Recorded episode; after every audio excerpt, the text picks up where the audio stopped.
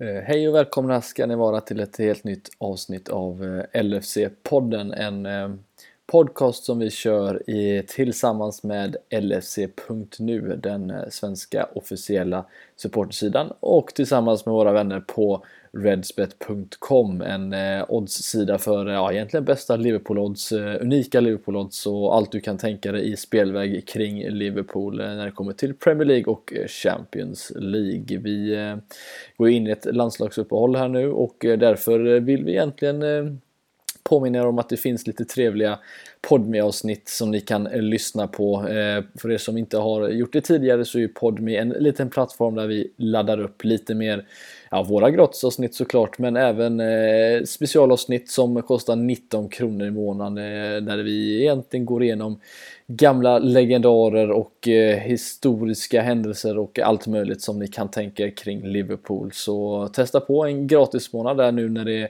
vi går in i landslagsuppehåll så eh, kan ni se om ni hittar någonting roligt där. Eh, men nu tänker jag att vi går in och kör igång med kvällens avsnitt.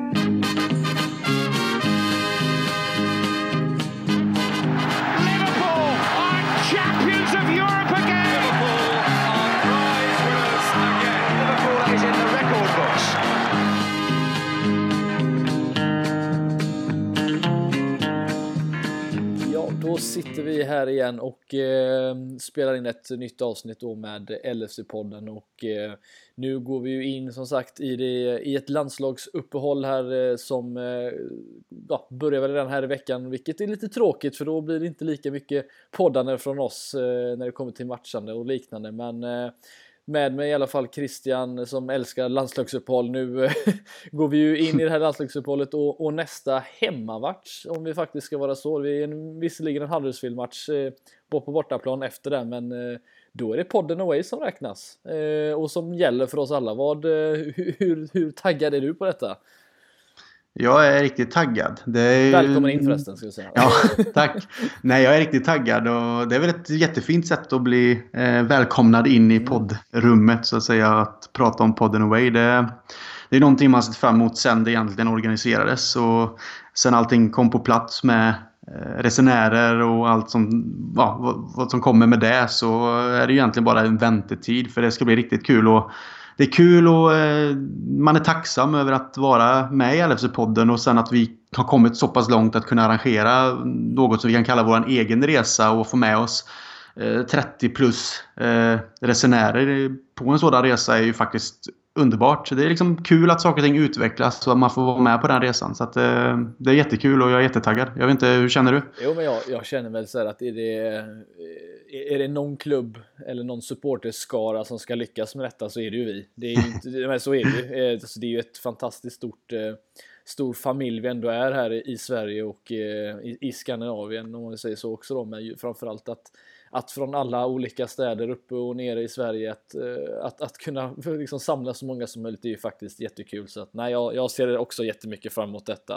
Det ska bli kul att se många man Ja, alltså, vi har ju pratat med några här, vissa har ju ställt frågor och alltså det är kul att få, få ett litet ansikte på dem också, fast de kanske tycker det är kul att få ett ansikte på oss med såklart, det som de sitter och lyssnar på oss snarare varje vecka. Och hur ser den här jobbiga göteborgaren ut egentligen? Det, det är väl en av de stora frågorna som, som många ställer sig innan de går och lägger sig, men nej, det ska bli, eh, ska bli jäkligt kul faktiskt. Och vi har ändå satt oss i en rätt schysst position om vi ändå får säga så Christian. Eh, inför detta dessutom. Vi ligger just nu då på delad första plats tillsammans med City och eh, Chelsea efter gårdagens eh, kryss som vi ska diskutera som sagt mest av, eller ja, prata mest om det egentligen i den här podden. Men vi, för några veckor sedan var det ju den här tuffa matchperioden där efter Leicester då visserligen också en jobbig match där, men Tottenham och sen skulle det bli PSG och dubbla möten med Chelsea och, och, och allt det där med City och Napoli. Hur Eh, hur känner du att vi har hanterat detta utan att dra liksom analysera matcherna, men eh, just den här tuffa perioden som vi har gått igenom här nu? Man hade väl kanske en lite högre förväntan eh, sett till på eh, vad vi alltså fick se förra säsongen. Eh, när vi pratar offensiven så hade man väl hoppats att det hade klickat igång ordentligt under de här matcherna. Men det har ju inte riktigt gjort det. Men med facit i handen då så måste jag säga att jag är nöjd. Vi ligger på delad första plats och sagt med City och Chelsea. Och jämför man med förra året vid den här tiden så tror jag att vi låg 9 poäng efter City och på åttonde plats om jag inte är helt fel ute. Och eh, det var i alla fall någonstans kring där och då måste man ändå se till det att vi har ändå inte klickat igång än med det offensiva på det sättet som vi vet att vi kan. Utan nu är det defensiven istället som är riktigt solid. Så att, så att eh, med, med facit i hand så är, jag, så är jag nöjd. Fast man kanske hoppas på lite bättre. Men man får inte flyga iväg för mycket heller. Nej, precis. Nej, men det, det är som du säger. Det är, det är intressant att dra jämförelsen för, för det som egentligen har hänt är att vi har från, från start fått in van Dijk. Eh, han spelade ju inte vid den tidpunkten förra året. Eh, och fått in en Alisson till exempel och som du säger, mm. vi låg mycket sämre till och efter åtta matcher förra säsongen, 12 insläppta mål, nu mm. tre stycken. Eh, vilket är en extremt stor skillnad och eh, det har ju i slutändan liksom räddat oss från, från vissa ja, onödiga insläppta mål som i slutändan kanske hade blivit ett kryss istället. Men vi har helt andra förutsättningar och, och, just att de här tre där framme inte har sprutat in mål men vi fortfarande ligger där vi ligger tycker jag ändå säger att den här perioden har vi hanterat på ett, ett makalöst bra sätt och trots uteblivna segrar de senaste matcherna så ligger vi ändå bra till i alla fall och det, det tycker vi ändå får att en bra start liksom ger en ju liksom lite andrum även om man inte går och vinner alla matcher direkt vilket är, är bra så sett. Men eh, du, du, tycker ändå att det är en, eh, det, ja, eh, vi har hanterat det på ett, ett bra sätt i alla fall? Ja, det tycker jag. Jag menar, jag kanske någonstans kan tycka att eh, tappa ledningen och sen förlora mot Chelsea i kuppen är ju tråkigt. För jag tror att det är bra för det mentala och att någonting att, att eh, gå vidare med. Plus att det öppnar upp möjligheter för bänkspelare eh, att komma in och spela i kuppen utan att som sagt som alltid att man har respekt för de tävlingarna man är med i. Men det skapar lite de möjligheterna för andra spelare att komma in och visa sig att de ska vara med i Premier League-sammanhang och Champions League-sammanhang. Men Samtidigt så är det inte den största förlusten. För för mig är det Premier League som är viktigast och Champions League därefter och sen FA-cupen. Så vi är fortfarande med i de tre turneringarna. Såklart Premier League hela tiden. Men vi är med i toppen av Premier League och sen är vi med i Champions League fortsatt trots en förlust mot Napoli. Vilket man inte kan förvänta sig att man alltid ska åka ner och slå. Det är, liksom, det är inget dåligt lag. Det är på bortaplan. De är galna fans och så vidare. Vi vann mot PSG hemma. Jag menar, vi, vi är fortfarande med. Man får inte ta ut saker förskott bara för att man förlorar någon match. Och sen att vi fortfarande är obesegrade i Premier League och har släppt in, som du säger, så få mål mål och vi har en defensiv som är så pass stark. Och det handlar egentligen bara om att själva maskineriet ska gå, gå igång offensivt. Att vi får se det här kombinationsspelet mellan fronttrion som vi fick se så stora delar för säsongen.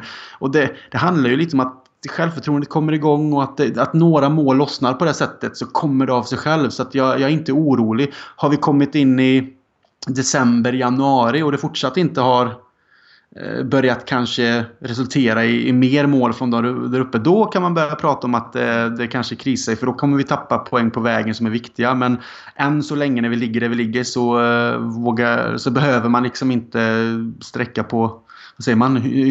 Hytta med fingret än liksom. Nej, precis. Nej men absolut. Nej, jag, jag, jag instämmer helt och hållet. Det, det, det, finns, det finns mycket att prata om när det kommer till, eh, till det man kanske hade önskat sig lite mer men i slutändan får vi ändå vara nöjd med, med det, vi, det vi har lyckats med. Och jag tänker också kul att vi ska efter vi har pratat om, om City här nu som är den stora fokusämnet i den här podden eh, ikväll i alla fall eller idag när, oavsett när ni lyssnar så tänker jag att vi ska gå igenom lite av säsongsinledningen för det är ju som sagt snart gått en fjärdedel av säsongen så vi ska diskutera lite mer kring det. Men eh, Ja, hur...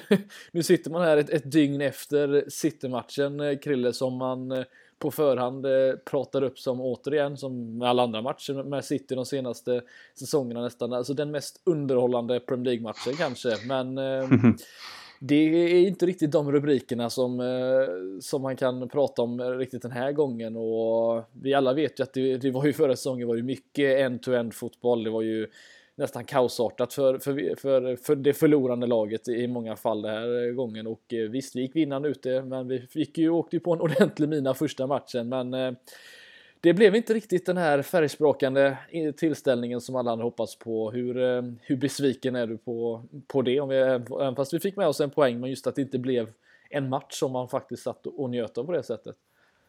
Jag tyckte att det började väldigt lovande. Jag tyckte att vi de första 15-20 minuterna så kändes det som att vi har fångat lite City, alltså fångat City lite där vi vill ha dem och eh, hade egentligen mesta delen av spelet och, och, jag tyckte det kändes bra. Det såg lovande ut och sen så övergick det ju mer och mer i känsla av att City kom in i matchen och sen i andra halvlek så tyckte jag inte något av lagen egentligen lyckades hitta någonting. Så det blev den här lite tråkiga, tråkiga matchen som man nästan kände att ah, och så det som skedde i, i slutet då såklart och kom, återkommer vi till och sen hur resultatet faktiskt blev sen vid slutsignalen så måste jag ändå säga att jag, jag är nöjd över att ta en poäng där. Ja, jo, men alla hade väl på förhand sagt absolut tar man ett kryss mot City. Det är ju en förlust hade ju varit att man Alltså det, det, är ju nästan så att förlorar man tre poäng mot City eh, så känns det som att då har de dragit iväg redan här fast det bara hade pratat om, om, om, tre poäng i det fallet och det,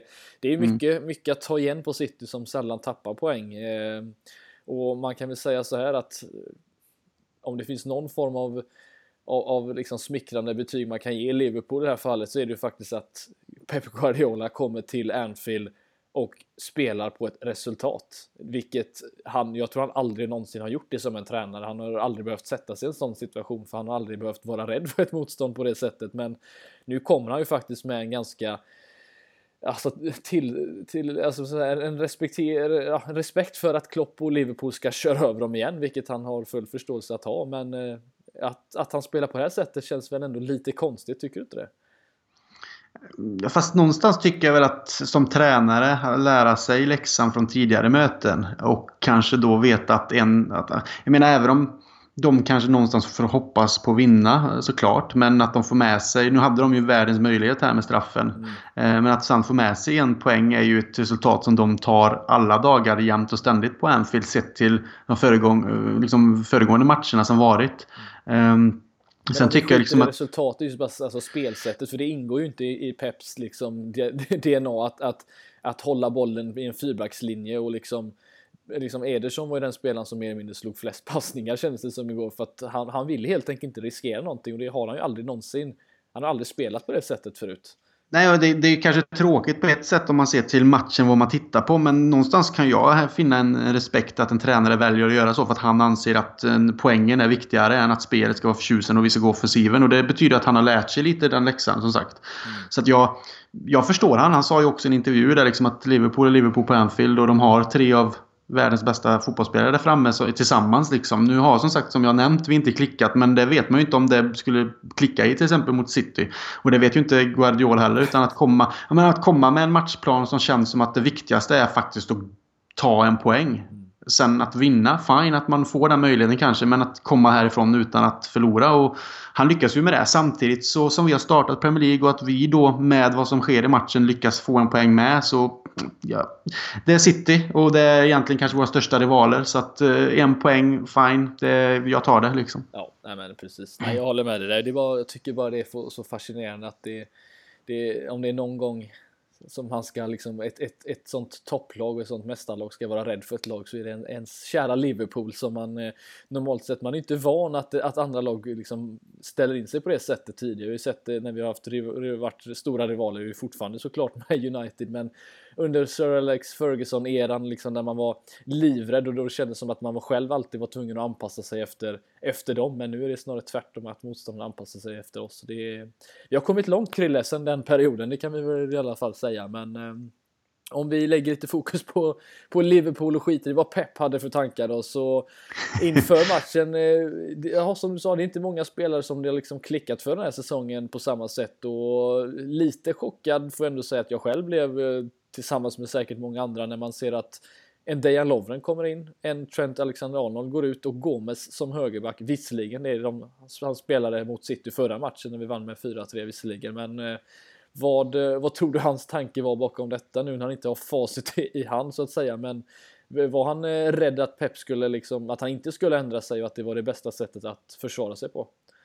Men det tror jag nog. Han kanske såg lite att eh, Gomes är lite mer defensivt lagt liksom på det sättet än, än Alexander Arnold. Även om Gomes gick framåt några fina gånger också igår så, så tror jag att kanske mer uh, vaksamhets, eh, mer defensivt tänkande, lite mer säkerhet. Så absolut. Så, men sen att Lovren kom in var ju också en chock. Men sett till vad som skedde också så fanns det väl egentligen bara kanske en situation som var problemet. Annars tyckte jag att Lovren tillsammans med Lovren i stort sett kanske var den som på något sätt ändå var en av de bästa spelarna med Wijnaldum skulle jag säga i matchen också. Så att det, var ju, det är ju något positivt att ta med sig. För det, någonstans tänkte man att Gomes och van Dijk då har ju bildat det här mittbackslåset som vi nu har liksom lärt oss att verkligen, verkligen älska och tro på. Så kommer Lovren in och ändå visar att han ställer ändå frågor här. Anser jag. Även om jag inte anser att Gomes bara ska plockas bort så känns det som att fan vad skönt det känns att vi kan ta in Lovren nu och han spelar en stor match mot City. Men absolut, för att återgå till det du sa, så tror jag att det var för att kanske då safea lite kring defensiven där.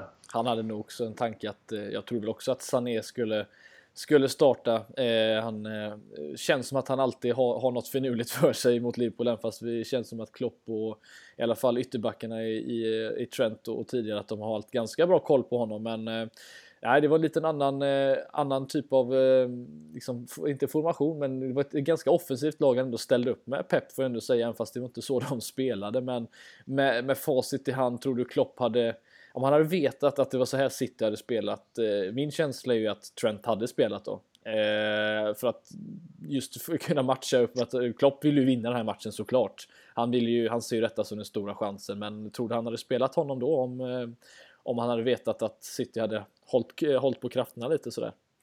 Mm, det tror jag nog, för så som matchen artar sig så tror jag att han insåg där kanske att eh, även om Gomes gjorde en bra match så tror jag säkert att han hade sett hellre eh, Alexander Arnold där ute. Eh, eftersom att City inte var på samma eh, ja, offensiva, hade samma offensiva glädje som de brukar ha. Så absolut, det tror jag nog. Men eh, det är ju svårt att göra så, en sån ändring sen. Eftersom att man måste, måste sitta lite lugnt i båten sett till vad som också skedde med till exempel Milner och så. Ja, precis. Ja, vi, kan, vi kan väl eh, hålla oss innan vi går vidare upp, uppåt i, forma, eller i banan. Så jag tänker just med, med Gomes då som fick spela ytterback. Eh, vi ska ju jämföra lite här med, med framtiden. Det blev ju som sagt inget mål nu heller. Visserligen ett skott på mål, Krille, vilket vi får eh, jubla över. För det var ett, nästan över två timmar som vi gick utan ett skott på mål innan Salah föste fram bollen i, i eh, Edersons skopa. Men eh, Gomes, faktiskt den spelaren som skapade mer än en målchans. Han skapade faktiskt tre stycken eh, i den här matchen, vilket är ganska mm. tydligt också hur, hur han ändå var involverad, men hur, hur lite de andra lyckades prestera i, i anfallsväg. Och det var ju som sagt inte, inte jättemånga skott. Det är faktiskt så att jag tror det bara är Newcastle, det är två matcher tror jag den här säsongen. Det är Newcastle mot Arsenal och sen är det Huddersfield mot Cardiff som har haft lika många skott, alltså tre stycken från båda lagen i en halvlek, vilket är eh, bedrövligt Krille, men eh, visst, det, det blev kanske lite mer intensiv andra halvlek, men just Gomes då som var inblandad i väldigt mycket, han hade ju några skott dessutom som han försökte sig på. Var det tillsammans med Lovren den som försökte visa upp sig lite, lite mer än alla andra känns det som? Ja, alltså han har ju egentligen visat tidigare vad han går för. Men sen att han sätts på högerbacken som vi har sett honom eh, tidigare förra säsongen så tycker jag ändå liksom att han, han gör ju ett riktigt bra jobb där. Men jag skulle ju ändå säga, trots att han levererar de här målchanserna och han gör det väldigt, väldigt bra. Så anser jag ju ibland i vissa situationer att han är ju en mittback och inte en ytterback. För eh, det finns vissa situationer där jag känner liksom att han inte riktigt har samma... Även om han är defensivt lagd så känns det som att han kanske inte alltid har samma koll på en spelare som eh, tar sig runt eller liksom löper i djupled på det sättet just på kanten. Alltså det känns som att de kanske smyger in bakom honom lite farligt medan han när han är i mitten och kanske använder sig av van Dijk som en stöttepelare som jag pratat om mycket tidigare så känns det som att han, han mer, vet mer sin roll och han hittar sin plats mycket bättre. Han är mer följsam och läser spelet och positionsspelet med. Som ytterback känns det som att han, han gör det som sagt absolut. Det är inte någonting negativt på det sättet men jag anser att han är ju mittback. Så har vi, har vi då Klein eller Trent Alexander-Arnold tillgängliga så är, ser jag hellre att Gomes går in i mitten och att någon av de andra spelar på, på kanten. Även om Alexander Arnold kan lämna luckor bakom sig så är han också ett vapen anser jag med sin fot och att han tar sig runt också. Sen har vi haft problem med inläggsspelet och sånt men de, de färdigheterna sitter där hos, hos båda ytterbackarna. Jag är liksom inte orolig. Är jag inte. Men det känns som att eh, det var ju en situation jag tänkt på framförallt om vi ska också prata lite, lite om Robben. Den situationen där han nästan drar på sig en straff där vi ändå mm. får säga att Gomes sätter honom i skiten såklart. Och det känns ja, ja. Att, men det känns som att, att Gomes som en mittback, han, han, han, behöver aldrig hamna i den situationen att han ska rensa den på det sättet eller vad, vad man nu ska kalla det. Det känns som att han, han tar andra beslut nu när han är ytterback. Det, jag vet inte om det är jag, jag, gillar, jag gillar inte alls när han spelar. Jag tycker att han, visst han är okej okay framåt. Han, han är stark och snabb och, och har en trevlig eh, inläggsfot. Men det är att han, han, är inte den här poängspelaren som en Trent Alexander-Arnold egentligen kan vara. Han, han står ju för mycket assist när han väl får sin inlägg och dessutom har han ett bra, eh, ett bra avslut dessutom då. Och nej, det känns som att han, han, han ska inte vara högerback. Det, så enkelt är det och Klopp, ja, han hade väl som du säger för säkerhets skull, men eh, tyckte att det kändes ändå som att han han står sig aldrig riktigt rätt där. Han ska stå i mitten. Det är egentligen det min poäng är. Utan det är där han, han spelar känns, som bäst.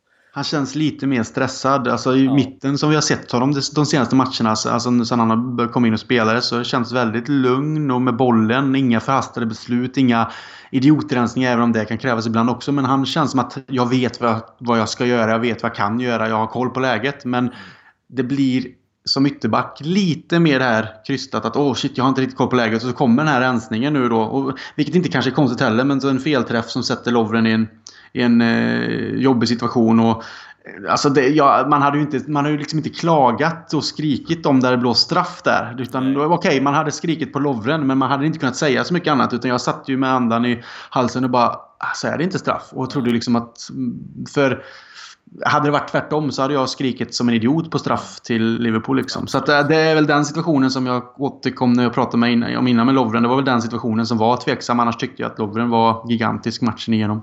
Ja, det är intressant just med Lovren är ju att man kan... Och det, så kommer det ju alltid att vara. Det, det, kommer aldrig bli annorlunda. Men att man kan sitta där och... och liksom, för det, det, finns ju två situationer där det liksom... Det här var ju den typiska Lovren-matchen rakt igenom. Alltså han står för den där nästan då blunden som man han vet ju att han är det så han ska inte sparka på bollen om han inte vet att han ska hinna först. Men sen så står han ju för den här helt, två stycken faktiskt, men framförallt den jag tänker på den briljanta glidtacklingen eller vad man ska kalla det på Gabriel Jesus i andra halvlek där de egentligen är på väg igenom där känns det som. Och han mm. lägger sig ner och vinner och, och hela kort, långsidan som man ser i alla fall i bild ställer sig upp och verkligen jublar och, och det är ju Lovren i ett nötskal. Alltså han, han står mm. för den här nästan blunden och sen så står han för två stycken jättefina, båda på Gabriel Jesus eh, brytningar som eh, gör att vi kan eh, vända spelet och ja, alltså, även fast man får mycket plus så det är fortfarande så att Gomes känns ju mer stabil och det är därför vi alla vill se honom. Därför han gör kanske inte den blunden direkt utan han står för brytningen bara. Och men samtidigt är det ju skönt att vi kan få in en som gör en sån prestation i en sån här viktig match. Det får man ändå ge Lovren, eh, fast man hackar på honom eh, lite sådär ibland. Men eh, nej, det känns som att i vissa matcher då, då, då, då, dyker han upp och det är oftast i stormatcher han kan, han kan göra sådana här grejer. Så det får vi faktiskt ge honom en klapp på axeln, eller vad säger du? Absolut. Ja, som sagt, jag tycker att han var en av planens giganter och den, han ska ha beröm för det trots den situationen. Men sett till allt annat så var han ju med och eh, räddade oss flera gånger. Så. Mm. Du, eh, du nämnde Milner också som åkte på, jag såg det, det var ganska tidigt själv på såg, såg det där i tvn att han efter någon liten löpning så tog han sig för baksidan och det kändes som att så fort någon tar sig där så vet man ju att det, det är en skada. Det är väldigt, det är ju sällan man, det är för att han det kliar eller liknande utan eh, har, har det att göra med, med matchandet av Milner tror du? Vi, vi har ju pratat om att det varit intensivt spelande, han har ju varit med i det mesta. Eh, är det dåligt hanterat eller är det bara en otur? Vad tror vi? Jag tror det är otur. För är, är det någon som kan spela alla matcher varenda minut eh, varannan dag så är det James Milner. Eh, skulle jag nog säga. Han, Sen vet faktiskt, man... han blir ju äldre. Han ja, kunna, absolut. Han, han, liksom, han kanske kan, hans lungor kanske kan springa i hur länge som helst. Men det är ju så att kroppen kommer ju säga emot förr eller senare. Ja, absolut. Men, eh, men, eh, men jag tror det är mer en, en otur här än att det kanske varit slit. I alla fall den känslan jag får. För att han har väl kanske uttryckt själv och de håller väl en dialog liksom och kollar allting på träningar och pratar. Alltså, och, och det här med att eh, matcha, alltså emellan liksom att kunna gå ner i varv och låta kroppen vila och få rätt behandling och så vidare. Så att de, jag antar att de har en så pass bra koll på det att han säger att ja, men han är fit for fight och det, de, det fysiska teamet, eller så fysioteamet ser att ja, men det är inga problem. Liksom. Sen tror jag att eh, en skada kan ju... Alltså, det, det kan vara vad som helst när det kommer till baklåret, när det kommer i steg också. Eh, så att jag tror det är bara otur. Även såklart, matchandet finns ju alltid med bilden. Det är intensivt. Men jag får mer känsla av att han var inte sliten på det sättet. Utan att det bara är otur. Nej. Mm. Nej, men jag, jag, jag tror väl personligen att det, det, är en liten blandning. Jag tycker att oturen, om vi får kalla det eller om det bara varit dålig timing med att Keita och eh, Fabinho inte alls har kommit in och mm. levererat på det sättet som, som man kanske hade, förhopp, eh, hade förhoppningar på. Eh, jag tror att det har en del att göra med det också. Att, hade de kommit in på ett bättre sätt så hade vi inte, då hade Miller inte spelat lika många matcher som han har gjort eller lika, spelat lika länge. Han har ju blivit utbytt i några av dem visserligen, men jag tycker att det har varit lite för mycket spelande med honom. Eh, han, eh, det är ju så att han ger ju verkligen 100 145 procent i varenda liksom, situation. Han, det kommer ju eh, troligtvis att sluta med att han kommer skada sig och ja, nu, nu, nu står vi här. Nu skrev han ju själv på sin Twitter här för inte allt för länge sedan, tror bara för fem minuter sedan ser det ut som att eh, han hoppas inte att han, han är ute eller borta allt för länge och det är, men nu är det visserligen ett, ett litet uppehåll här så han kanske är tillbaka sen därefter, men eh, Keita in vad eh, man har ju höga förhoppningar på honom. Vi, är, är de för höga? Eller vad, vad tror du? Alltså, han har ju inte alls kommit in och, och, varit den faktorn som man tror att han ska kunna bidra med, alltså just med det här med att han driver bollen framåt på samma sätt och att han vinner tillbaka bollen på samma sätt han gjorde i, i, i Leipzig och eh, framförallt poängspelaren som han faktiskt var där, för han, han gjorde en hel del poäng eh, i sin mittfältsroll. Vad, vad tror du är anledningen till att han inte har, att det har klickat för honom? Ja, först och främst när, jag, när de bytte in honom mot Milner så var jag ju rädd att han skulle gå sönder snabbt. för, att han, för att han gick ut eh, matchen innan där då. Um, så kände jag så här, ah, det ska vara så jäkla irriterande om han kommer in och man ändå tror, tänker att det här är en spelare som kan komma in och göra skillnad. Vi har, som du säger, vi har höga förväntningar. Jag såg han sönder med, men tack och lov det gjorde han inte. Men eh, för att återgå till det då. Så det är klart, förväntningarna är höga. Vi köpte honom, fick vänta med att få honom och vi såg han göra Eh, mycket poäng i Leipzig och både mål och assist och var en stor, stor spindel i nätet för dem. Liksom. Och då tänker man här har vi en kille, han är ung, han, har, han är en motor på mittfältet, han orkar springa, han är teknisk, han är tvåväg på det sättet också. Han går ut och in. Alltså han har allt egentligen men det har inte riktigt klickat i Liverpool än. Och jag ger honom ju fortfarande tiden att anpassa sig. Alla kan inte komma in och bara ta det med storm som andra spelare. Det är liksom det finns ju många exempel, nu kan jag inte komma på någon rakt av så, men spelare för andra lag också genom åren som kanske inte riktigt har kommit in. Men finns det tålamod där och tro på den här spelaren som man har köpt för en viss sak så tror jag att får de bara utan stress anpassa sig och känna att man hela tiden finns med och att eh, förväntningarna liksom, ja men vi tror på dig, det kommer, liksom bara fortsätta så eh, risken finns ju att det skulle, liksom, någonstans inte skulle gå. Det finns ju de riktiga, riktiga flopparna också. Men det man ändå har sett av honom när han varit som bäst i Liverpool-tröjan, de matcherna han varit med, så finns det ju tendenser till att han, han har det och man vet att han kan det. Det handlar bara om att när det faktiskt sätts igång och det får man väl hoppas sker eh, nästa match. Ja, precis. Nej, men det, är väl, det, är som, det, är, det är väl en fråga om, om snarare än, eller alltså om när, ja, alltså, än, än, att, att det, om det blir så att, det, att han kommer blomma ut. För jag, jag, jag har ju sett Keita spela tidigare innan, innan han spelade där i, i Bundesliga och det är absolut en spelare som, som kommer blomma ut. Det, det, det, jag tror inte någonting annat än det.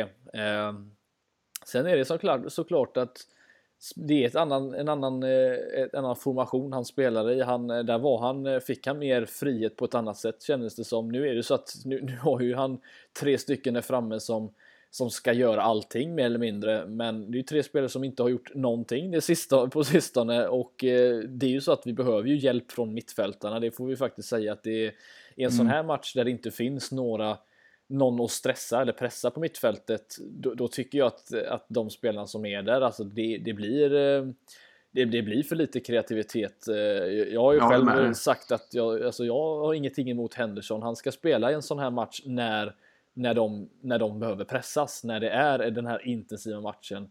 Men en Fabinho eller Keita, oavsett vad folken säger, Fabinho är en spelare har, har ett betydligt bättre passningsspel än vad, vad Henderson har och behöver vi kreativitet då, då, tycker jag att de tre på mittfältet som vi har eh, när, när Milner är frisk, att det är för lite. De bidrar med för lite poäng, de bidrar med för lite chanser, även fast Milner är egentligen den, den här säsongen som skapat näst flest chanser. Eh, jag vet inte om du vet vem som har, eller jag vet, men vet du vem som har stått för flest målchanser den här säsongen i Liverpool? Uh, nej. Det, det, är Andy Robertson. Han har stått, för, alltså. han har stått för 14 mm. stycken, Milner för 13. Det är alltså Salah och Mané och, och de här och Firmino, de, de ligger alltså strax under 4-5 stycken, vilket är extremt lite. Eh, så Robertson har Mm. liksom stått för 14 stycken redan och jag tycker det börjar snarare bli ett problem där. Jag vet inte om du håller med mig, men eh, för jag vet att fronttrion kommer göra mål. Det, det vet vi att det kommer klicka förr eller senare. Eh, Mm. Men att mittfältet eh, går igenom en period där vi faktiskt inte får särskilt mycket hjälp. Jämför man med de andra lagen som, som har extremt skickliga, eh, bollskickliga spelare om vi jämför med hur, hur Chelsea lirkar upp vårat försvar eh, i, på Hazards 1-1 mål här i ligan eh, förra matchen. Mm. Och hur, hur David Silva och Bernardo Silva de här flyter igenom på ett. Jag tycker att vi saknar någonting extra och det är väl egentligen det Keita ska bidra med såklart. Men jag tycker att det blir för statiskt och för, för lite kreativitet i det mittfältet vi har, även fast Wijnaldum också har varit bra. Men det, det, det saknas någonting. Håller du med mig där? Jag håller med dig 100%. Jag tycker också att det saknas... Fekir om jag ska vara helt ärlig. Ja, men det är just en, typ. ja, men en kreativ spelare som just det som du säger den här matchen med när den blir som den blir. Liksom att, alltså, Henderson, Milner, Wijnaldum. Vi har ju ändå sett dem göra, göra otroligt ehm, bra matcher och varit stabila. Men någonstans kan jag ju se, det får vi inte glömma heller när vi ändå pratar mitt. För jag tycker Wijnaldum var väldigt, väldigt bra igår också.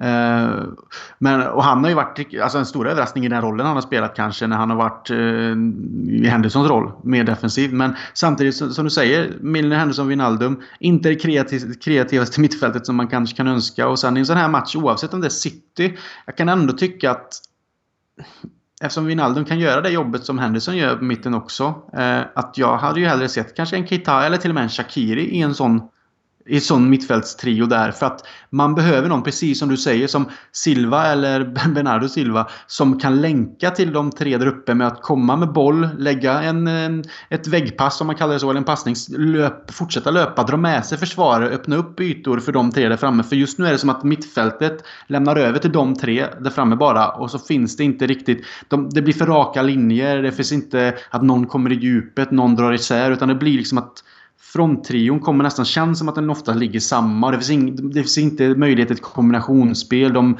de vad säger, markeras ut till exempel som vi ser Salah. Han har inte, det, det finns ingen som han direkt kan liksom klappklappa med och sticka sen igen när han levererar bollen i en passning och sticka. Det, det är för lite och där behövs det någon i den offensiva eh, mittfältspunkten om man säger så som länkar upp med anfallstrion. Och det, det, har vi inte riktigt som i matchen igår. Och det har vi inte om vi inte har en Shakiri, en Keita eh, och sen en Chamberlain. Precis. Ja, men jag tänkte säga det. Det är någonting jag har tänkt på och man har läst lite omkring också. Det här hur man faktiskt saknar den spelen han faktiskt blev efter att han hade fått lite tid på sig. Han blev väldigt viktig och han gjorde mål och han länkade upp och han var väldigt kreativ. Och Milner, Henderson, Wijnaldum är inte de slags, slags spelarna trots att de har mycket annat bra i sig. Och Ska man vinna vissa matcher så behöver man det. Och man ser ju, nu vann ju inte City heller, men just som du säger, de två Silvas Mm, ja, i. City. Det är, man, portugisiska. ja, men, ja, ja, ja, precis. Ja, men de kan ta emot en boll, vända upp, Mm. spela upp på en anfallare, sticka igen, få tillbaka den, lägga ut. Alltså, de, kom- det är de som egentligen för spelet och hittar luckor med sina in, skickliga inspel. Och vi, vi har ju faktiskt en sån spelare i Keita, även om det inte har riktigt klickat. Men jag tycker att de matcherna som Shakira har spelat så tycker jag att han har sett väldigt kreativ och duktig ut och sprungit för eh, land, vad säger man, för, för, för tröjan och jag tänkte säga fosterlandet. Ja. Men, ju, men, men du förstår vad jag menar och Ja. visat att han vill vara med och han har ju det i sig. Både bollarna som kan läggas in bakom backlinjen, han har ett skott, han har en, han kan vända upp en, han kan täcka boll med sin jäkla röv. Alltså han är ju stor med med sina vader. Alltså, han har ju det i sig också som jag tycker att vi saknar i de här matcherna. Någon som kan ta emot bollen felvänd men ändå vända bort sin gubbe och hitta alternativ och sticka igen. Och det ser man inte när man har Milner, Henderson, Wijnaldum på samma sätt. Även om Wijnaldum kanske är den som mest tekniskt sett kan komma upp lite mer. Men han har ju inte det där Han är avslutet i sig fortfarande heller. väldigt försiktig i sin spelstil. Han, han tar inte särskilt många risker och eh, Precis. visst, det, det är väl skönt att inte släppa till någonting, men eh, i sådana här matcher eh, du kommer ju ihåg matcherna från, mot City förra säsongen. Eh, Chamberlains första mål eh, i 1-0 målet som sker är ju faktiskt en boll där han, eh, ett läge där han vinner boll och, och faktiskt springer förbi med sin snabbhet och, spi, eh, och styrka förbi Fernandinho och drar det här långskottet. Alltså ett, ett Mm. genombrott. Det var det Mm. som öppnade upp hela den här matchen. Den hade Mm. säkert stått och, och, stått och varit lite tight mellan lagen. Men just den här mittfältaren som som springer igenom, eh, gör ett genombrott likt Bernardo Silva gjorde igår. Nu blev han neddragen flera gånger och då visste de vann någonting på det, gult kort och frispark. Men just den här mittfältaren som kan springa igenom, alltså vi måste inte lämna över ansvaret varenda gång till de tre där framme som för övrigt nu då har, har lite problem och de blir väldigt isolerade, även fast det är tre stycken. Men de blir, eh, de blir väldigt ensamma när de väl får bollen, vilket eh, ja, det är lite synd. Och Kollar man återigen med, efter det målet, det för, målet Firmino gör, 2-1 målet när han chippar bollen över Ederson. Det är också efter Chamberlains genombrott när han för bollen framåt och hittar en passning. Så att det är någonting jag hoppas Klopp kan, kan kolla på. Jag tror Shakiri absolut är en, en nyckel. Eh, jag skrev själv igår på Twitter efter matchen att det har varit kul att se om vi faktiskt tänker om lite formationsmässigt och tänker lite 4-2-3-1 antingen att få in Sturridge och låta Firmino droppa ner och vara lite mer involverad för att han är ju tillräckligt bra för att vara en, en playmaker och eh, för, ja, jobba defensivt med. Alternativt mm. få in en Shakiri och låta Bobby vara liksom anfalla men få just den här energin, speeden in på mittfältet som ingen just nu bidrar för. Ska man vara ärlig så visst, det här mittfältet var fantastiskt bra i Champions League när de väl eh, när de väl fick spela och vi var många stora matcher där vi faktiskt eh, de gjorde väldigt bra ifrån sig, men det var ju matcher där vi inte förde spelet på samma sätt. Det var matcher då vi pressade sönder dem, vann bollen högt, eh, kontrade in mål. Det är liksom inte det mittfältet har ingen, de, ger liksom, de, de bidrar inte med särskilt mycket när, när det är så att vi ska stå för kreativiteten och jag, jag, tycker att det är ett problem och jag tror att Klopp kommer redan i januari om inte Chamberlain kommer tillbaka tillräckligt snabbt och om Keita inte riktigt fungerat att, att, det kommer nog kollas på en spelare som, som kommer ha den här speeden och kreativiteten, det tror jag absolut. Eh, för att eh, de tre där framme behöver hjälp för att eh, det känns som att de har listat ut lite nu motståndarna att det är de tre där framme som ska göra det och ligger vi lågt så finns det inte mycket att kontra på.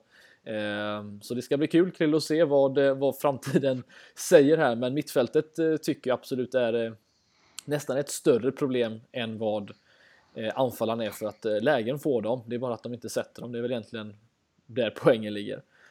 Ja, absolut. Och sen som vi pratade om eh, med City och deras mittfält med Silvas eh, gånger två. Det är liksom, jag, jag är glad att en sån som De Bruyne inte fanns med mm. igår. För att han är ju exakt den spelaren som driver boll, yep. hittar luckor, han har ett bra avslut. Han hade varit livsfarlig i en sån match som igår när han sätter fart med bollen och kan lämna över till en annan och fortsätta djupled. Eller komma i läge och själv skjuta för han har ett farligt skott. Så att även om man både David Silva och Bernardo Silva är riktigt otroligt duktiga fotbollsspelare så just De Bruyne är den där stjärnan för City som är så otroligt viktig. Och hade han funnits med igår så är jag rädd att... Jag tror i alla fall inte att vi hade kommit undan då på det sättet. För att de, de skapar ändå möjligheter. Men eh, med han så tror jag att det hade skapats ännu farligare lägen som hade kunnat resultera i att det blivit riktigt svårt. Så att det här är ju en sån spelare som vi precis har pratat om nu som man kanske... Det är svårt att säga att man ska komma upp i standard som Bröjne men den typen av spelare som kan vara med och länka till anfallarna. Jag håller med dig fullt ut att vi... Jag hoppas att vi tittar på en, ett sådant alternativ om vi vet nu som Chamberlain ser inte ut att komma tillbaka kanske sådär snabbt heller. Man vet ju aldrig men... Och sen om Keita inte kommer igång, då, då, har vi ett problem. Shakiri finns att tillgå, men då krävs det att det finns tillit från Klopp och så vidare. Så att, eh, men finns det spelare på marknaden som finns tillgängliga som kan göra det jobbet så man får, man får inte tacka nej. Jag menar, vi vet ju inte med en sån som Fekir om det skulle hända någonting mer men eh, det är ju en annan historia. Ja, precis. Nej men just eh, det, ja, nej, jag tycker ju att mittfältet är lite eh, att jag hade önskat mer. Det, försvaret har ju ändå visat, visat sig extremt stabilt som vi pratade om i början av avsnittet här och eh, City hade ju bara sex skott sammanlagt, vilket är det minsta de någonsin haft under, en, eh, under Pep Guardiolas styre. Och senast de hade så här så få skott var faktiskt också mot Liverpool på Anfield. Det var när vi var med 3-0 efter vi förlorade mot dem i eh, ligacupen där. Men så att det är ju någonting också att hålla ner, hålla nere siffrorna lite från City i alla fall på, på Anfield när det kommer till, till mål och de var ju visserligen bara ett skott ifrån Kelle att, att ja, bryta den där förbannelsen som de haft sedan 2003 var det när Anelka gjorde två mål på Anfield och de vann senast det, det är ett tag sedan men mm. vad, vad, säger vi om, om situationen i sig? Vi har en en som jag nämnde, en Sané som jag var alltid rädd för för han har den här avheten och, och speeden som få kan matcha upp och en van Dijk som varit under säsongen mer eller mindre fläckfri som sen vet inte riktigt vad han tänker när han ska in där och, och, och bryta den. Men eh, straff blir det, i 85, 86 minuten. Och då blir det en Riyad Mahrez som missat rätt många straffar som får ta den istället. Och vi får väl ge lite till Akterberg som vi har sett nu i efterhand stått och lite, kommit upp lite filmer på att han vänder sig om med ryggen och visar Alisson att här ska du slänga dig för här kommer han slå den. Även fast han aldrig någonsin har slått en straff där i Premier League. Så någonting gör vi ändå rätt och ja, vi håller nere de här siffrorna och fortfarande inte släppt in mål sedan det är väl mot West Ham där i, i februari, mars någonstans vi släppte in ett mål på Anfield senast, vilket i ligan då. Eh, vilket säger att det här försvaret har ju verkligen visat sig en, en annan typ av stabilitet än vad vi kanske trodde de skulle visa.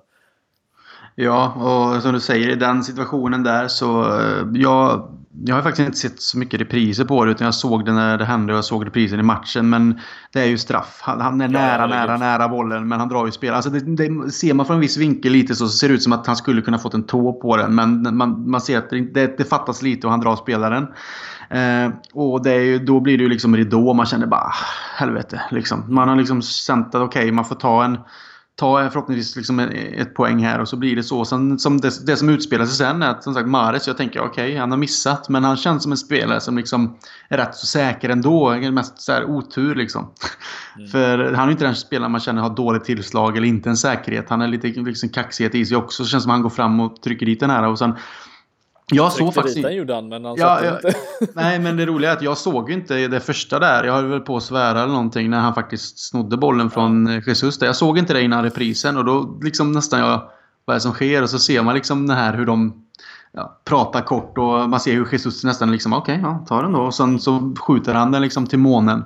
Um, och ja, underbart är det i alla fall att det inte blir mer än så. Um... Ja men verkligen, alltså man tar ju det krysset eh, alla dagar i veckan men det är fortfarande så att man, man sitter här och, och, och blir lite sådär eh, Det här är ju en match som, som, som vi, jag personligen tycker att på hemmaplan mot City, vi, vi, vi är ett bättre lag liksom generellt sett när vi spelar på hemmaplan mot dem. Det, vi, vi ska vinna den här matchen och eh, Salah har ju några lägen Mm. Jag vet inte riktigt vad, vad, vad som har hänt med avsluten på honom för att jag tror jag skulle kunna göra en tre minuters video från den här säsongen där han faktiskt missar lägen som är där man faktiskt funderar, alltså hur, hur är det möjligt att han faktiskt får till ett sånt där mes? Det är ju många sådana här skott där han har liksom, det har rullat fram och försökt lägga den bort men det är liksom blivit i mitten av målet och jag tänker framförallt på det läget som jag tror det är Robertson som drar fram en riktigt fin långboll där han kommer lite snett. Men Ederson går ganska, alltså, i andra halvlek, han står ganska långt ut. Kommer du ihåg det, den situationen? Eh, mm. Eh, och han drar den rakt upp på the cop och han hade ju lätt kunnat chippa den över honom, eh, Ederson, och, och in i mål. Men det känns som att han har ingen det är ingenting som klaffar för honom. Jag vet inte vad, vad, vad är annorlunda för honom och för alla de där tre? Är det bara liksom självförtroende vi pratar eller vad, vad tror du har, har hänt med dem? När det kommer till Sala så tror jag mycket sitter i huvudet. Ja. Alltså mycket från den förra säsongen och den eh, pressen som det resulterar i att ta med sig in i den här säsongen.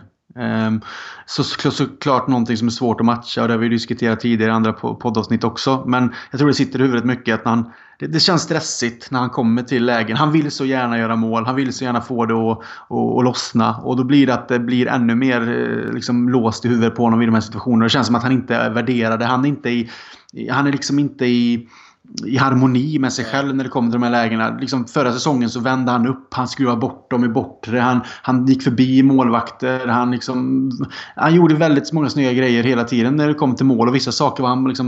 Jag har ju sett att han har varit på rätt ställe och han har blivit avblåst för offside och så vidare. Så han har gjort... Han är ju, han är ju där, men när det kommer till ändå de här mer kreativa kreativa delarna som han förra säsongen var med och skapade och kunde skapa mycket själv så känns det som att han har blivit låst och avsluten också. Och Det handlar ju också mycket om att jag tycker att varken Firmino eller Mané de senaste matcherna under den här perioden som varit väldigt intensiv så har ingen kommit upp i standard. Mané började ju bra men har någonstans... Jag tycker att många av hans bolltouch har varit riktigt, riktigt dåliga faktiskt. Och det hade han mot City också. Han, liksom, han kommer i fart eller ska ta med sig en boll och det ser nästan amatörmässigt ut vissa bolltoucher. Och Firmino har inte lyckats få igång det här som han är så bra på heller. Liksom. Han, kan, han kan vinna boll och pressa men han har inte lyckats få igång kombinationsspelet som jag tycker att han är underbar i. Just att släppa och sticka igen och dra upp. För han är ju så viktig i det spelet när det kommer till att öppna upp för sådana som och Mané att han drar ju isär mycket. Även om han gör sina mål också så är han just den spelaren som springer för alla andra. Typ som Henke Larsson gjorde. Mm, ja. Om man, ska, om man ska dra ett sånt exempel på att man gör det för lagkamraterna. Och det gjorde ju också att Mané gjorde mycket mål förra säsongen. Men nu känns det som att det kommer inte riktigt till rätta med någon av dem. Och det sätter sig i huvudet hos dem alla att fan vi tre funkar inte som vi ska. Och oavsett hur mycket de säkert pratar om det här på träningarna och pratar med liksom Klopp och andra coach och allting. Så när de väl kommer ut på plan. Det krävs så mycket att det blir kanske en, ett, två mål från de här där uppe under en match där det bara flyter på. Då tror jag att det kommer lossna. Alltså självförtroende, jag tror att självförtroende betyder jättemycket här. Att man bara kan gå ut med en känsla att vi vet vad vi kan. Just nu känns det som att de tvekar lite. Att fan det funkar inte. Det, hur gör vi nu? Liksom, vi hittar inte. Och sen handlar det säkert mycket om som du säger att när det blir ett lågt försvarsspel så skapas inte lika mycket ytor för att för dem att utnyttja sin snabbhet och, och kombinera på det sättet heller. Nej, Nej men det, det, det, känslan är väl att det är egentligen bara bara Sara som kommer till riktiga sådana här extremt bra målchanslägen. Eh, I vissa fall har det faktiskt varit lite små, små frilägen som eh, lite från kanten han, han har avslutat på ett bedrövligt sätt. Men Firmino kommer liksom inte, han kommer aldrig riktigt till, till chansen känns det som och det är för att han inte riktigt heller kommer till möjligheten att lägga upp till någon heller som potentiellt skulle kunna passa honom vidare utan det känns som att det är bara Salah som faktiskt kommer i farliga lägen och han som du säger, det känns som att allting känns stressat. Just den här Salah som jag förväntar mig inte att han ska göra 44 mål den här säsongen. Jag tycker det var liksom nästan, eh, alltså det, det sätter ju sådana höga krav på honom och att alla har sådana förväntningar på honom. Jag tycker att gör han som, som winger, gör han 15-18 mål så är det fortfarande jäkligt bra. Det, det, måste vi ändå säga. Jag trodde inte att han skulle göra så många. Han faktiskt gjorde ändå dubbla skördar än vad jag trodde han skulle göra. Eh, men eh, just den Salah som i en Champions League kvartsfinal borta mot City när, när det står 0-1, när man liksom får det här läget och man chippar in på det sättet, alltså den kylan han ändå har visat att han har, det, det kommer vi dit så då gör han de målen och eh, då kommer vi vinna ännu fler matcher då kanske vi Ja, då kryssar vi liksom inte mot Chelsea utan vi faktiskt vinner den matchen för där har vi ju lägen i, i ligan att, att vinna matchen och även i den här matchen också faktiskt då mot City så att det är Nej, hade vi tänkt om vi hade stått i en situation med dem i, i toppform och vi faktiskt vinner både mot Chelsea och mot City eh, vilket vi lätt hade kunnat göra om vi hade varit, varit i form eh, som de lagen faktiskt är i. Då, vad hade vi suttit och pratat om här då? Då hade vi tagit poäng från dem i båda matcherna. Ja, precis. Och så det, det är det. Man kan ju, hade det klickat med, liksom mellan dem och det hade varit i form och vi hade kunnat liksom kanske som du säger vunnit de här matcherna för att den potentialen finns när det funkar för dem. Och det, det är synd på det sättet. Eh, som att vi ändå har stått upp i matcherna i sig självt defensivt. Och så går inte offensiven på de eh, eh batterierna som krävs riktigt. Eh, och men, men med det sagt, så, som vi inledde med, så ligger vi liksom på delad första plats med de två. Och eh, någonstans i jämförelse då med förra säsongen så egentligen är det bara att hoppas att det lossnar nu så fort som möjligt. Och de matcherna som kommer härnäst är ju egentligen sådana matcher som inte är Chelsea, som inte är City, utan lag som med all respekt som vi ska vinna mot ändå. Kanske finns det mer en avslappnad känsla där att kunna mm förhoppningsvis få en liten islossning på, på fronttrion mot eh, Huddersfield och sen Cardiff. Då. Och det är ju lag som vi, som vi ska slå i, i liksom alla lägen för att vi ska vi vara med och slåss om Premier League så är det bara att vi ska slå dem. Liksom. Det är inga konstigheter. Kanske, kanske är podden de behöver på plats för att det, det ska lossna. Det kanske, kanske är något i den stilen. Salah kanske gör fyra mot Cardiff, vem vet? Så står vi ja. på, på, sitter vi på läktaren eller står på läktaren vad vi nu gör och, eh, och fira. Nej, men det ska bli. Eh, jag tror det kommer ske också. Det, det kanske kommer lämpligt här nu. Eh, ett, ett uppehåll trots allt. Det känns mm. som att mm. många spelare ser riktigt trötta ut faktiskt. Även fast vi inte har gått på 100% känns det som i alla fall så kanske det är bra att de får vila upp sig några, även fast det kommer vara den här jävla ja. Nations Cup ändå. Eh, ja, och sen, och sen måste man ju liksom ta i beaktning också att, jag menar som Klopp sa också, att man måste tänka på spelarna. Jag håller med honom. Det här intensiva matchandet som varit, det handlar ju inte bara om matcherna som kommer tätt som vi ser det, utan det är resande, det är återhämtning efter matcherna, det är, liksom, det, det är fläng hit och dit, det är sömn. Alltså det är ju så mycket andra aspekter som spelar in i spelarnas liv som vi inte egentligen kanske tänker på när vi ser det utifrån. Vi ser bara att okej, okay, det kommer en, en match på lördag, en match på tisdag, en match här. Alltså pang, pang. Visst, och det för oss känns skitkul. Många matcher att se och vi vet att det kommer bli tufft. Men för dem är det ju nästan ännu tajtare, eller det är mycket tajtare just sett till vad de måste resa och eh, förbereda sig, återhämta sig. Dags igen för nästa match, match, åka dit, hit. Alltså det är klart så fasen att det också spelar in på deras eh, psyke och på fysiken. Även om det är matchen i sig som är den stora, det stora testet så måste man ändå ta det i beaktning att jag anser att vi ändå kommit ut av de här, under de här matcherna som varit nu sen, sen Tottenham egentligen med ett Alltså, jag skulle nog säga ändå ett väl godkänt betyg trots eh, uttåget ur ligacupen då som jag, jag personligen egentligen inte jag skiter i. Det, hade bara, bara varit, det hade bara varit bra för att matcha andra spelare som kanske ska visa upp sig för att få chansen. Men annars sett till där vi ligger och att vi kunde tagit med oss en poäng i, i Napoli och så vidare. Så som jag sa när vi inledde så väl godkänt anser jag att det är. Och så är det bara att köra på nu. Nu har vi läget som du säger. Vi har Huddersfield, vi har Cardiff och det är matcher där vi kanske har möjligheten. Okej, okay, vad, vad, vad behövs för att snappa upp? Nu behöver vi inte kanske vara lika rädda för motståndet som det är när vi spelar mot Chelsea och City med all respekt. För man får inte underskatta såklart. Men det kanske känns mer som att här kan vi ta tag i det och faktiskt eh, komma igång på det sätt som vi vet att vi kan. Här har vi motståndare som kommer vara jävligt rädda för oss. Ja, men precis.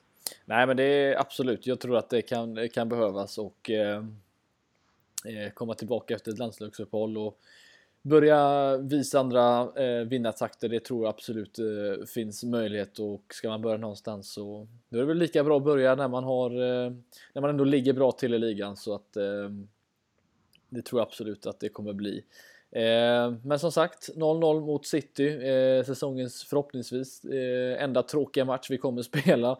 Eh, vad, nu har det som sagt gått här Krille, en, eh, snart i alla fall en fjärdedel av säsongen och eh, nu när vi går in i uppehållet så tänker jag lite att vi kan analysera lite kort här vad, vad vi tycker om inledningen av säsongen. Det har ju det började ju målrikt och sen har det ja, gått lite upp och ner lite sådär. Men vad, vad, vad, vad ger du inledningen för betyg oavsett om vi blandar in då Ja, vi blandar in alla turneringar egentligen eh, i sin helhet bara för att eh, se vad du, vad du tycker hur det har gått än så länge.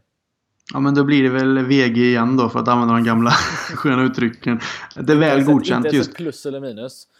Ja, VG plus då kan vi ta. För, ja, men jag menar MVG hade ju varit såklart att vara kvar i ligacupen att faktiskt vinna mot Chelsea. Just för att det är Chelsea och inte åka ut. Just för känslan kring det. Eh, och sen såklart att man hade kanske lyckats ta en poäng minst eh, i, mot Napoli borta och få med sig det för nästa gå in i Champions League och så vidare. Men ja, alltså det går inte att klaga på där vi är. Vi ligger i toppen av Premier League. Vi liksom har inte dragit på oss... Visst, nu Milner fick gå ut nu. Vi får se vad de säger. Men vi har inte dragit på oss några allvarliga skador på nyckelspelare. Vi har till exempel inte haft någon van Dijk som gått sönder. Vi har inte haft någon Salah Mané Firmino som förhoppningsvis kommer igång och de har inte gått sönder. Eh, vi ser stabilitet i defensiven. Allison är eh, grym. Sedan han, det han gjorde mot Leicester så känns det som att han har tagit sig ytterligare nivåer tycker jag. Han har liksom lärt sig från det och någonstans okej, okay, det här är vad som krävs. Så det liksom hade MVG plus hade funnits om vi hade lyckats klara oss i allt som vi vill. Men jag menar, sett till hur det ser ut så kan man inte klaga. Utan det är bara att blicka framåt och förhoppningsvis se att vi har ett lag där de klickar i alla lagdelar. Och går framåt tillsammans och att det sprutar in mål här sen. Det är liksom, jag, jag, kan inte klaga på någonting egentligen över det. Liksom. Det är bara att inse att vi ligger i toppen av Premier League och det är bara att glädjas och njuta av det. Och så har vi nu chansen mot de nästkommande två motståndarna att faktiskt ta mm. sex poäng och förhoppningsvis att de andra lagen kan tappa. Mm, ja, absolut. Nej, men jag, jag håller mig till, eh, till siffror i det här fallet, men jag tycker väl 4 av 5 får vi ändå ge, ge den här säsongen eh, so far. Jag tycker att, att ligga så bra till vi ändå gör. Eh, ja, att ligga med i ligan fortfarande eh, och eh, att vi Ja, Napoli-förlusten irriterar mig något ordentligt fortfarande för att det är sent i, är sent i matchen och eh, det hade betytt att vi hade eh, legat en poäng före eh, alla andra också så sett då, men eh, eller PSG i det fallet.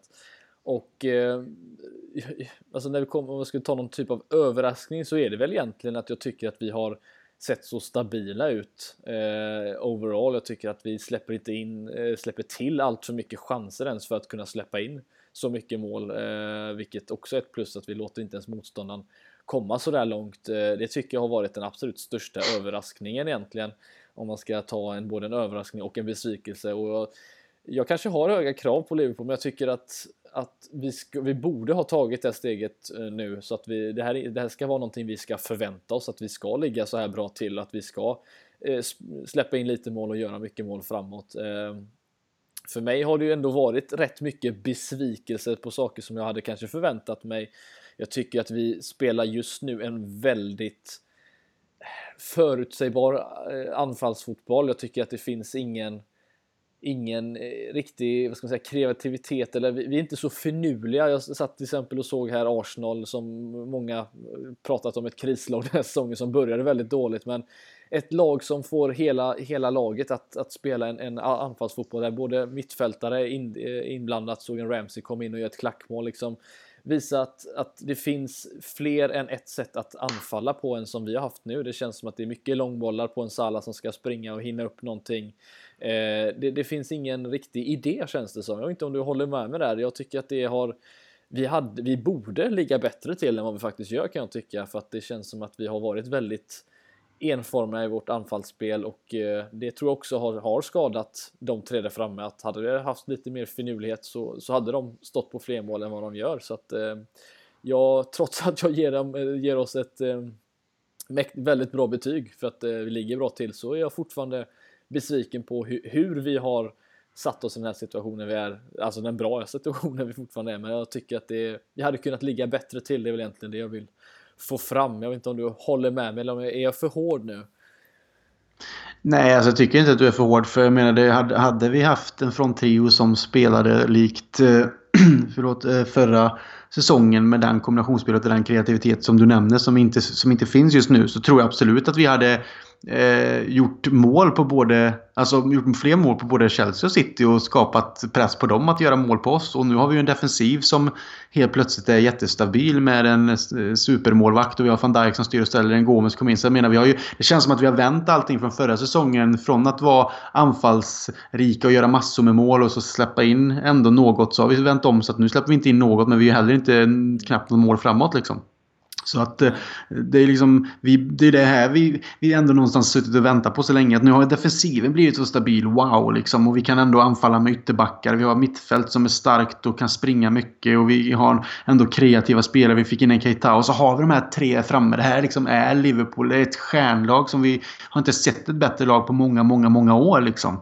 Och så vill det inte klicka sig ändå. Alltså att det blir det här länkandet och det blir en fronttrio som är kreativa och liksom släpper bollar till varandra och löper in och att motståndarna inte har en aning vad de ska göra. Och så det, liksom, det fungerar inte. Men ändå, som du säger, så ligger vi ändå med i toppen. Men mm. hade det klickat så tror jag också att vi hade kunnat vara ytterligare liksom ett antal poäng före våra toppkonkurrenter. Absolut. För då, då gör, när det klickar för Firmino, Mané, Salah och det länkas från mittfältet så som vi har vant oss att se från förra säsongen. Då gör vi mål. Liksom då, det är knappt en fråga om att, liksom att eh, om, om vi kommer göra mål utan det är hur många kommer göra. Mm. Nej, men precis. Det, det, är det som är själva det, är det som är grejen här. Och, men, men samtidigt så får vi hoppas som sagt att det kommer igång snart och då ligger vi ändå i en sån bra position att att man ändå inte kan riktigt klaga. Men jag håller med att man kan vara lite, lite hård där och ändå känna att ah, kunde varit lite bättre. Men man, man har väl fått sådana höga förväntningar som du säger nu på, på vad vi såg förra säsongen. Och det är väl med all rätt också. För att det laget vi har på pappret består liksom till de mesta delar av, av spelare som alla spelar i, i, sina landslag och som är spelare på absolut toppnivå med kanske något undantag. Och då ska man vara med där uppe. Mm, nej men absolut.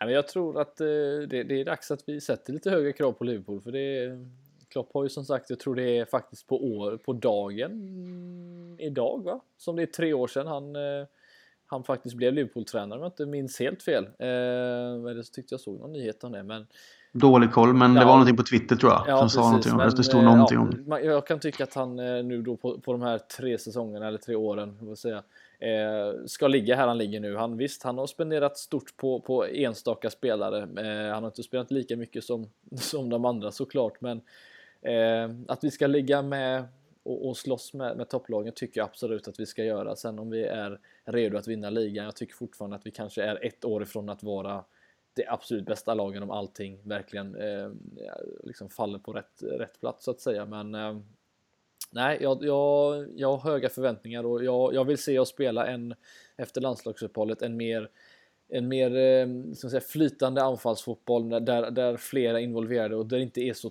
så, så uppenbart att det är ett, en Sala som ska, som ska få bollen i den här passningen utan att, att fler mittfältare blir involverade och att, eh, ja, att, att, att vi får se fler målskyttar, fler poängspelare, att det inte bara är de tre framme det ska stå på. För eh, det finns säkert något, något mål här och där i, i en Wijnaldum och en Keita och jag hoppas att vi får, eh, får se dem eh, leverera därefter också. Även fast eh, Wijnaldum har varit stabil så önskar jag honom lite fler mål så sett. Så att, ja, men i alla fall Krille, bra betyg. Det får vi ju ge, ge säsongen. Absolut. Det vi kan avsluta med att säga.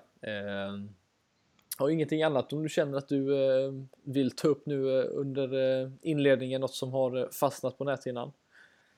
Nej, det är väl att det återigen är ett landslagsuppehåll som kanske just för våra spelare är välkommet och efter det matcherna vi har haft. Men som det för mig som supporter absolut inte är välkommet. Men samtidigt så går den tiden och så får vi förhoppningsvis en match mot Huddersfield och sen är det ju dags att vara på plats med, ja. med oss i podden och så alla våra resenärer. Så det är ju det. Jag längtar ju dit så att eh, tiden får jättegärna gå snabbt och landslagsuppehållet vara förbi. Och sen så kör vi på och så plockar vi de här sex poängen så är jag superglad. Annars är det väl faktiskt ingenting annat. Jag tycker att du har summerat det bra med att vi ger det ett bra betyg eh, och att vi är med i toppen. Och ja, Det stundar ändå matcher i Champions League som vi någonstans ska lyckas både mot Röda Stjärnan hemma och Napoli hemma Uh, ja, det är dubbla, det är liksom... dubbla Röda Stjärnan matcher ja, just det. blir det faktiskt här. En hemma ja, och mellan också. Ja, precis. Men jag menar, där ser jag ändå att ska vi, ska vi vara med där med så är det matcher som vi... De två matcherna är liksom Liverpools storfavoriter. Och det är inte lätt att åka ner dit. Men jag anser redan alltså, att vi har kvaliteten för att vara bäst där. Mm. Och sen är det match mot Napoli hemma och så har vi ju PSG borta. I, nu vet jag inte vilken ordning, men det är så det ligger till i alla fall. Mm, och då säger jag att vi ska kunna ta oss ur den gruppen och komma liksom, så att vi ska gå vidare. Det, den förväntningen har jag på Liverpool trots att vi... Eh, jag menar, åka, åka till Röda Stjärnan och vinna bortaplan kan jag liksom förvänta mig. Åka till Napoli borta och vinna är inte samma mening enligt mig. Så att, eh, nej, vi kör på bara. Det tycker jag låter som en bra idé.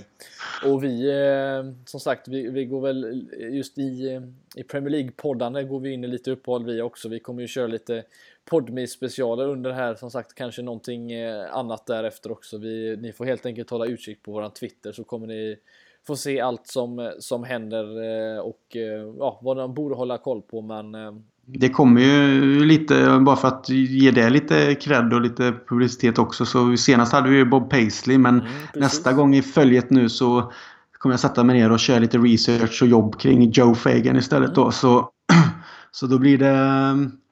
Det är så eh, Ja, så då blir det nästa man för, för rakning. Ja, så, att, så kan man tipsa om det för de som vill lyssna när det handlar lite om att gräva ner sig i historik och legendarer och uh, karaktärer från klubbens historia. Ja, nej, men precis. Nej, men jag, jag nämnde det som sagt i introt. Det är... Uh, ah, Nice. När det är, eh, är dags att, eh, att gå in i uppehåll så, där, så, så kan man absolut grotta ner sig i sånt här. Så att det finns lite trevliga avsnitt på, på Podme för er som inte har varit inne där tidigare. Det är ju som sagt bara 19 spänn i månaden för att prenumerera på det. Det är ju gratis första månaden så man får känna på det lite. Men det finns riktigt, riktigt roliga avsnitt som både jag och Krille har varit med och gjort och eh, de andra i, i podden som är väl värt att lyssna på. Så att det, och det behöver inte vara så att det bara för ett gammalt avsnitt att det inte är aktuellt idag utan det finns mycket roliga avsnitt att, att lyssna på där så att det kan jag varmt eh, rekommendera. Eh, annars Krille så tänker jag att vi, vi lägger ett lock på detta och hoppar in i den roliga landslagsfotbollen och så eh, hörs väl eh, du och jag och alla andra. Eh, ja, vi hörs snart igen helt enkelt och så tackar vi för att ni har lyssnat med Christian när vi har pratat City-matchen och lite där till så eh, ha det så fint så hörs vi snart igen.